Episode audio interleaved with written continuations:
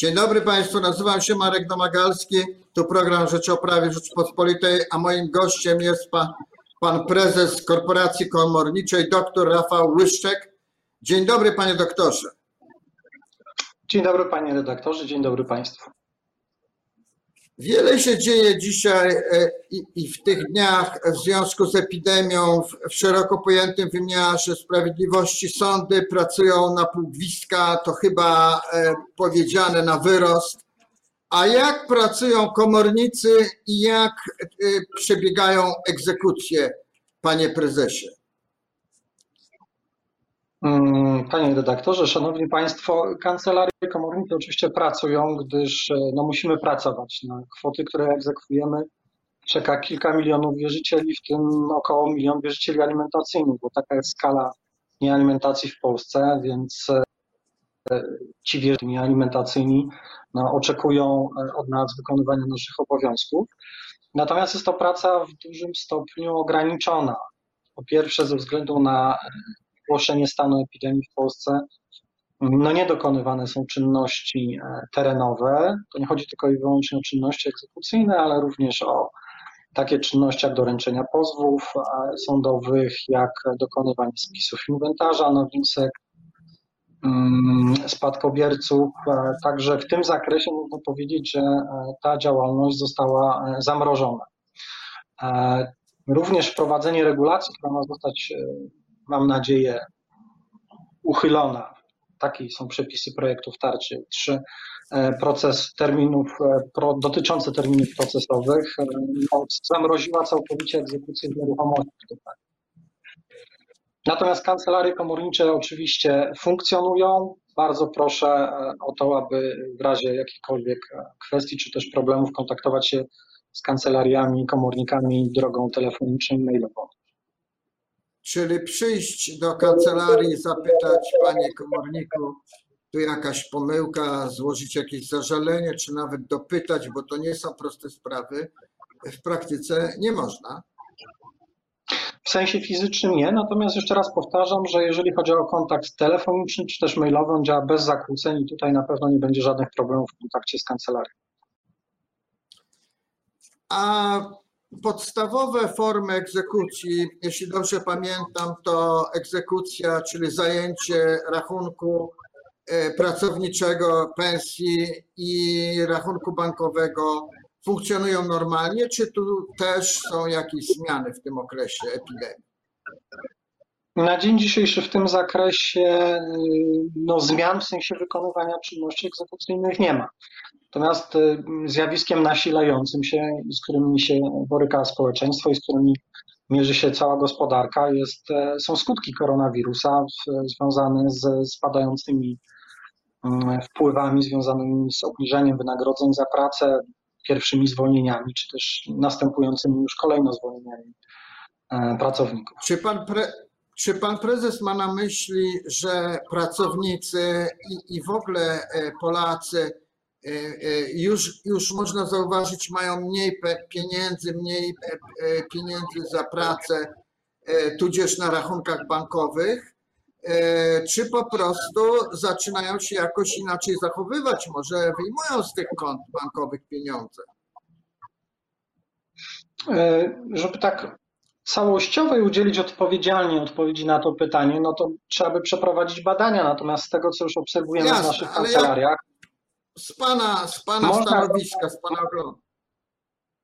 Można zauważyć dwa zjawiska, nawet trzy. Po pierwsze, spadające wpływy związane z wpływami dotyczącymi e, wynagrodzeń za pracę, e, również z rachunków bankowych, a trzecia rzecz związana z kwotami, które były wpłacane bezpośrednio przez e, dłużników w kancelariach komorniczych lub na konto kancelarii. Czyli można zauważyć zmianę zachowania dłużników. E, na czym e, e, ona polega, jeśli można by bliżej powiedzieć? A, poza, a, a jeszcze chciałbym od razu zapytać, czy zachowania wierzycieli, no bo to w końcu oni są inicjatorami, też się jakoś zmieniły.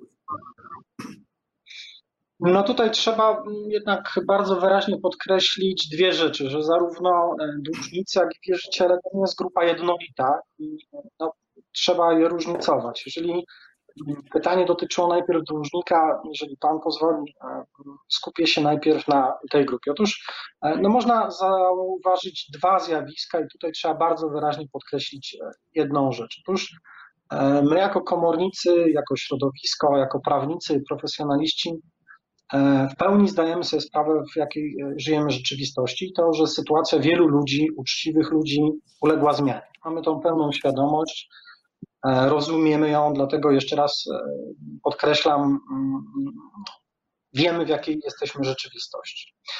I trzeba powiedzieć, że ludzie, którzy uprzednio dobrowolnie, w sensie kontaktu z komornikiem, zawierania określonych quasi porozumień dotyczących spłat swoich zadłużeń, generalnie zachowują się w ten sam sposób, to znaczy oni wiedzą, że mają długi, oni chcą je spłacać, natomiast czasami zmienia się ich sytuacja i my to rozumiemy.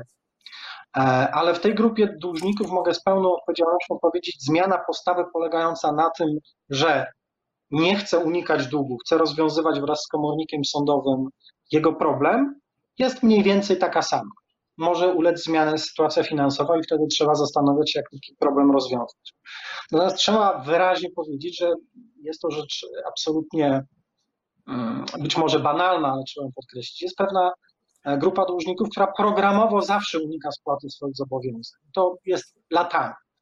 I nie ma co ukrywać, że w tej grupie rzeczywiście e, bardzo duża ilość osób próbuje wykorzystać system, stan epidemii do tego, aby była to kolejna przesłanka do tego, żeby nie regulować swoich zobowiązań.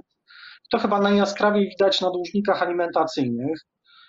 Mogę tutaj powiedzieć, że sytuacja, w której e, rodzice, bo to nie zawsze są przecież mężczyźni, ale e, rodzice, którzy są odpowiedzialni do łożenia i na utrzymanie swoich dzieci, którzy latami nie wpłacali ani złotówki, wpłacali jakieś symboliczne kwoty rzędu 5-10 zł raz na kilka miesięcy, próbują ten stan wykorzystać w ten sposób, że zasłaniają się stanem epidemii. Myślę, że codziennością każdego komornika sądowego są pisma, które leżą na przykład na moim biurku, bo teraz jestem w kancelarii, od dłużników, którzy nigdy nie regulowali swoich zobowiązań, nie poczuwali się do tego obowiązku, którzy żądają na przykład umorzenia czy też wstrzymania egzekucji wyłącznie na podstawie przesłanki stanu epidemii. To jest zjawisko bardzo, bardzo częste i myślę, że nasi widzowie, ale też społeczeństwo powinno mieć tą świadomość, że wyraźnie trzeba rozróżniać ludzi, którzy na skutek okoliczności życiowych znaleźli się w takiej sytuacji, że ich sprawy trafiły do kancelarii komorniczych, ale są odpowiedzialni i starają się ten problem rozwiązywać w porozumieniu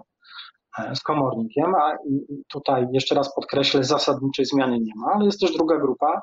Jeszcze raz podkreślę, w naszych kancelariach jest prowadzonych 700 tysięcy postępowań na rzecz miliona dzieci, w samych sprawach alimentacyjnych, w których e, próbuje się stan epidemii bardzo często właśnie wykorzystać do tego, aby po raz kolejny no, nie, nie regulować podstawowych swoich zobowiązań. E, jeżeli pan pytał o wierzycieli, no to też. Proszę, proszę. Druga część pytania dotyczyła wierzycieli. Tutaj też trzeba powiedzieć, że wierzyciele nie są grupą jednorodną.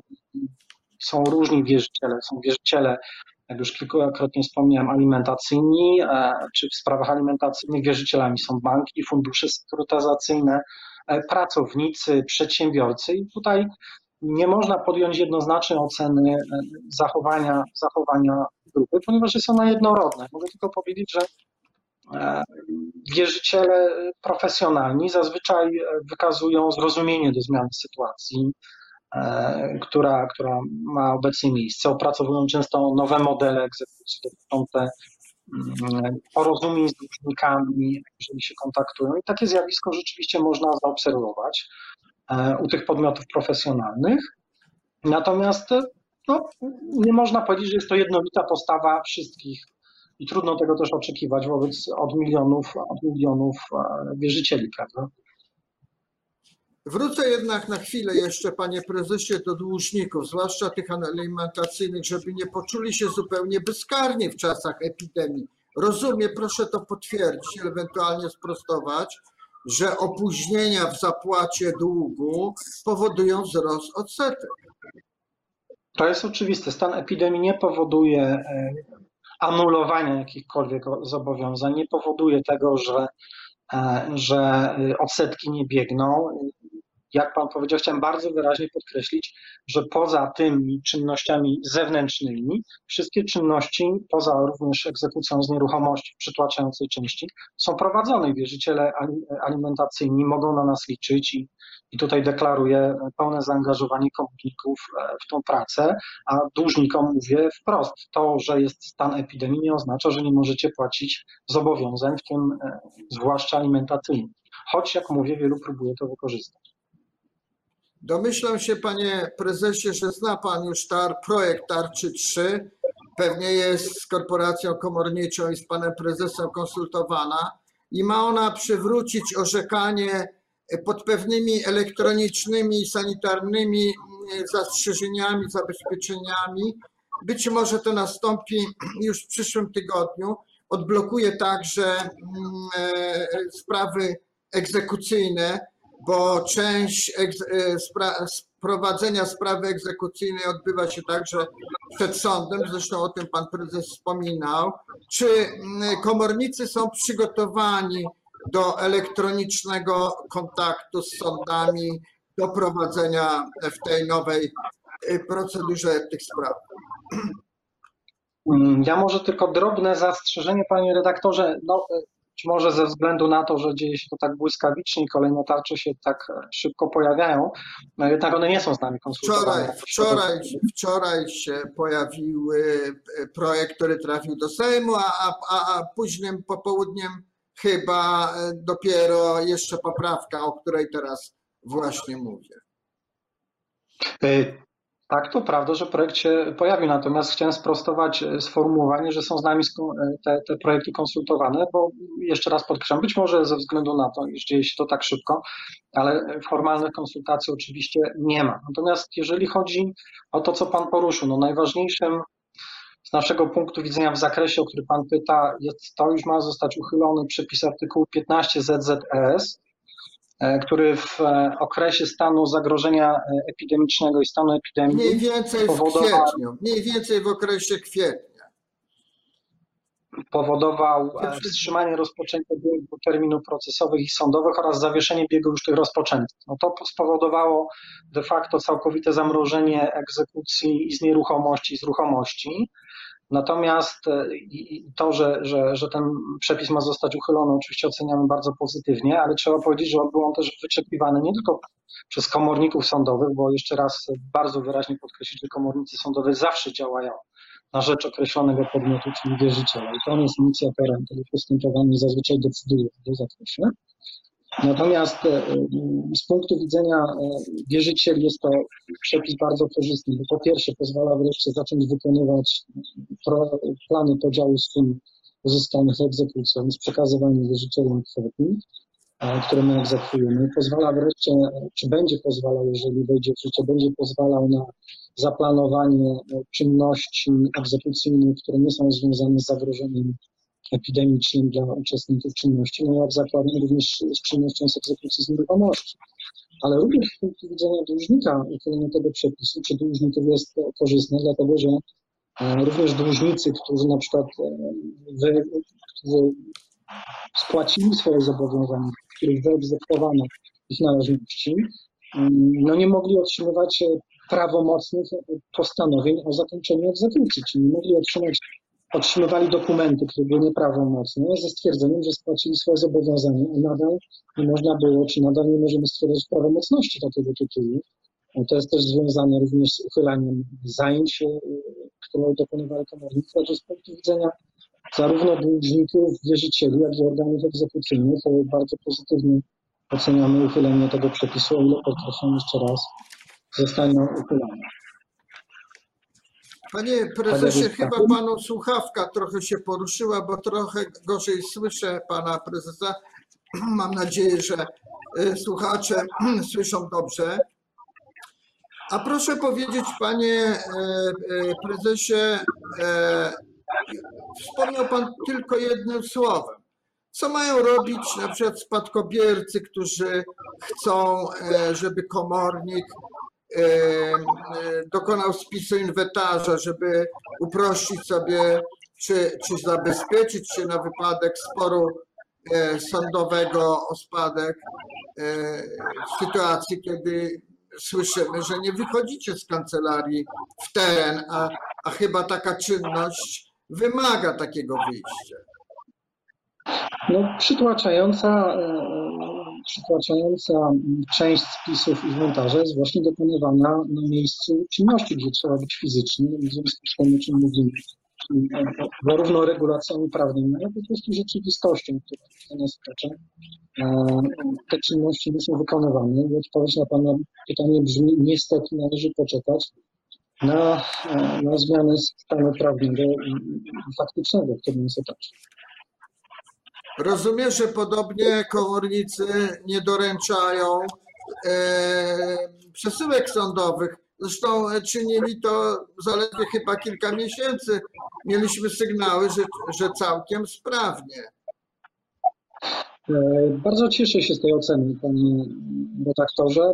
My w trakcie pracy legislacyjnej mówiliśmy, że nasze środowisko jest przygotowane profesjonalnie do tej czynności, jako profesjonalni prawnicy, ale również osoby o dużej wiedzy faktycznej dotyczącej e, osób zamieszkałych na terenie kancelarii, w której pracujemy. Jesteśmy do tej zmiany przygotowani, byliśmy do niej przygotowani. Mamy to kilka miesięcy funkcjonowania tych przepisów oraz zwiększająca się skala tych doręczeń przed ogłoszeniem stanu epidemii jednoznacznie świadczy, że świetnie wykonywaliśmy te, te, te obowiązki. Zakładam, że po zmianie sytuacji do nich wrócimy i będziemy realizować.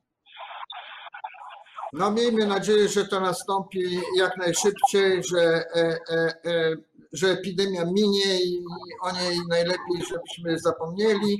E, ale Myślę, że wszyscy co, ale e, jeszcze mamy inną ścieżkę.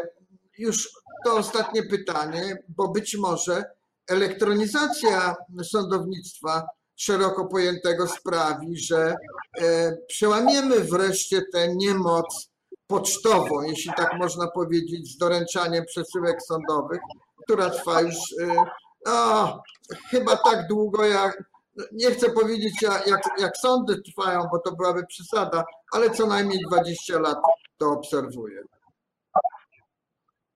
No my jako środowisko, ale też organy samorządu komorniczego od bardzo długiego okresu, ale zwłaszcza teraz niezwykle intensywnie podczas prac nad kolej- kolejnymi tarczami, e, podnosimy to i wnosimy o to, żeby zdecydowanie zmienić sposób komunikacji ze stronami. Nawet w tarczy 1 był taki zapis, który został z projektu finalnie usunięty na etapie prac sejmowych. Najkrócej mówiąc, chodzi o to, aby można było doręczać korespondencję ze stronami w sposób elektroniczny, zarówno z dłużnikami, jak i z wierzycielami. To w sposób jasny, jasny upraszcza postępowanie, powoduje, że ono jest tańsze, szybsze, mniej uciążliwe dla stron. Myślę, że ten czas, w którym jesteśmy, który oby nie, ale według e, wszelkich komunikatów jest prawdopodobne, że będzie wracał na przykład jesienią, jest właśnie przyczynkiem do tego, aby wreszcie wyjść z pewnego rodzaju takiego informatycznego zaścianka, zelektronizować zarówno same doręczenia. Nie mówimy tutaj o poczcie, bo nie oceniać oczywiście działalności innych podmiotów. i Zdaję sobie sprawę, jak skrót myślowy, oczywiście poczta, tak. jak ciężką pracę wykonują pracownicy Poczty Polskiej, natomiast to jest okazja, wydaje mi się, że ten czas, w którym żyjemy, wreszcie doprowadzić do pewnych zmian, do, do informatyzacji samych doręczeń, do informatyzacji komunikacji, ale również do pełnej elektronizacji, informatyzacji całych postępowań egzekucyjnych. Te dziesiątki tysięcy ton papieru, które my wyznaczamy, mogą być digitalizowane w pewien sposób cyfrowy przekazywania. Mogę tylko powiedzieć, że jako środowisko jesteśmy do tego świetnie przygotowani czego dowodem może być system e-licytacji, który został wdrożony e, w, e, pod koniec lutego tego roku. Może zostać e, potraktowany również do elektronizacji na przykład e, licytacji z nieruchomości, egzekucji z nieruchomości. E, Więc e, no, wyrażam taką nadzieję, że te czasy, które żyjemy, okropne czasy, które żyjemy, tragiczne dla wielu osób, ich rodzin dotkniętych tą epidemią, Dziękuję panie prezesie, dziękuję państwu. można Moim gościem. Wolę sobie tylko skończyć do pewnego rodzaju refleksji i postępu w zakresie informatyzacji. Dziękuję panie prezesie, dziękuję państwu. Moim gościem był Rafał Łyszczek, prezes Krajowej Rady Komorniczej. Dziękuję państwu. Dziękuję serdecznie. Do widzenia Państwu.